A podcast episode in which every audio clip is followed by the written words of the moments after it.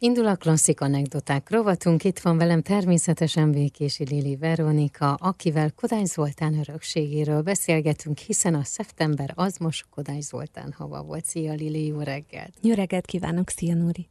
Azt gondolom, hogy Kodály Zoltán, mint zenepedagógus, magyar zenepedagógus kikerülhetetlen, és megkerülhetetlen, és mégis miért is akarnánk megkerülni. Bekukkanthattunk az ő életébe, hogy milyen volt fiatal korábban, mi hatott rá, aztán, hogy ő a tanítványaira hogyan hatott, és aztán természetesen az meg a legfontosabb most nekünk, hogy milyen az ő öröksége.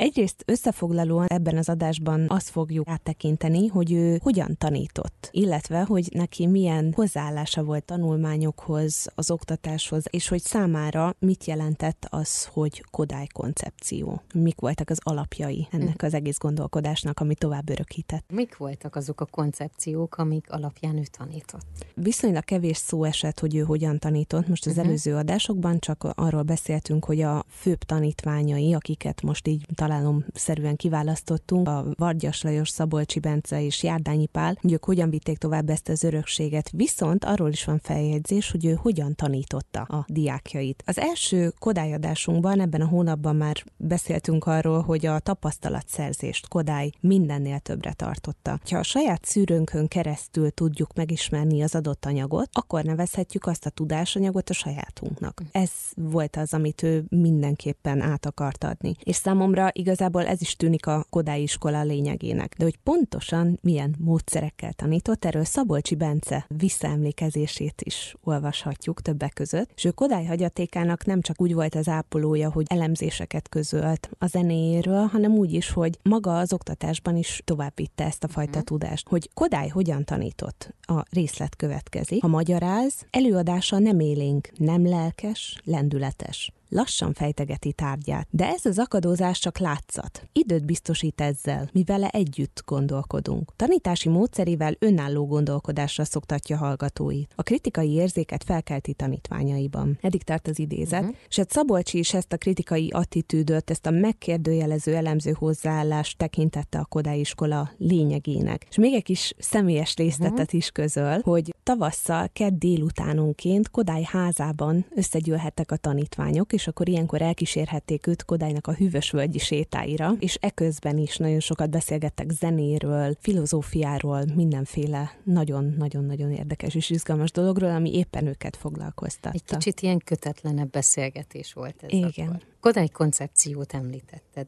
Sokan tévesen ezt a Kodály koncepciót Kodály módszernek mondják, de uh-huh. ez azért nem igaz, mert Kodály sose dolgozott ki semmilyen módszert arra, hogy ő hogyan tanítson, vagy hogyan várja el, hogy a gyerekeket tanítsák. Sőt, ezeket az alapelveket fektette le, inkább egy kicsit ilyen elvisíkon mozgott ez a dolog, és magát a koncepciót, illetve az egyes különálló ilyen iskolákat, ami Kodály gyakorlatilag Kodály iskolájából nőtték ki magukat, azokat mind a tanítványai saját maguk fejlesztették tovább. És ennek a koncepciónak a fejlesztése egyébként még a napjainkig zajlik. Szóval még tovább dolgoznak azon, hogy ez a fajta módszer, a megismerés általi megértés, ez, ez valahogy tovább öröklődjön. És mindenki egy picit magára formálja? Igen, igen, valahol, uh-huh. valahol szerintem ez, ez a lényeg, meg hogyha tudni is akarjuk, hogy mit is jelent pontosan, vagy kicsit közelebb akarjuk érezni magunkhoz, hogy mit jelent ez a Kodály koncepció, gyakorlatilag azt, amit mi a zeneiskolában is tanulunk. Példa erre a, a szolmizálás, vagy annak a kézjelei. Tehát ezt Kodály ő átemelte egy korábbi gyakorlatból, meg más elméletekből, és gyakorlatilag ennek a rendszernek mozgékonysága segíti az elméletet tanulókat, hogy, hogy egy kicsit jobban megértsék azt, hogy milyen hang közviszonyok vannak. Vagy ott van például, hogy miért ragaszkodott ennyire a kórushoz. Egy, nagyon-nagyon érdekes kérdés, és ez abból ered, hogy akkor, amikor Kodály elkezdett pedagógiával foglalkozni, akkor nem igazán voltak tiszta hangolású vagy jól behangolt zongorák. Sőt, minőségi hangfelvételek iszonyatosan ellenyésző számban maradtak, és nem is biztos, hogy volt lemezjátszó. Úgyhogy Kodály ahhoz nyúlt, ami mindenki számára a legelérhetőbb, ugye az emberi hang. És az éneklés, és ami az éneklés. ott van kezdetektől velünk. Igen, abszolút, és akkor ő erre építette fel gyakorlatilag azt a kórus mozgalmat, amit egyébként a tanítványai vittek tovább, és ők terjesztették ki gyakorlatilag országos világ szenzáció szinten. Már is folytatjuk a klasszik anekdoták rovatunkat Békési Lili Veronikával. A témánk a mai napon Kodály Zoltán, öröksége. Szeptember hónapban kicsit megismerkedhettek Kodály Zoltán iskolájának, életútjának egyes részleteivel, hogy hogyan került kapcsolatba a zenével, hogy milyen feltételek mellett került a Zeneakadémiára, milyen tanulmányokat végzett. Arról viszont még kevés szó esett, hogy ő hogyan tanított. Ez a mai témánk a klasszik anekdotákban, Kodály Zoltán öröksége. Folytassuk a témát Békési Lili Veronikával, a Klasszik Rádió zenei szerkesztőjével. Ez a zenei hallásnak a fejlesztése? Azon alapszik minden, uh-huh. igen. És akkor, hogyha jól és tisztán énekelni és intonálni megtanul valaki, akkor rögtön kialakul benne egy ilyen igényes hangzás iránti vágy. És Kodály egyébként még a példáit is, amikor zeneszerzést tanított, akkor is legminőségi művekből vette. Tehát Bachot tanított, Mozartot tanított, Beethoven tanított, hogy az igazán jó, igazán mesteri műveken alapuljon majd ez az úgynevezett minőségi érzék, amit ő ki akart alakítani. Kodály koncepcióban az is benne volt, hogy az éneklés az ne legyen kellemetlen senkinek, még ha valaki úgy is gondolja, hogy ő nem tud énekelni. Igen, azt hiszem, hogy valahol talán elhangzott, hogy énekelni mindenki tud, csak nem mindenki jól. Úgyhogy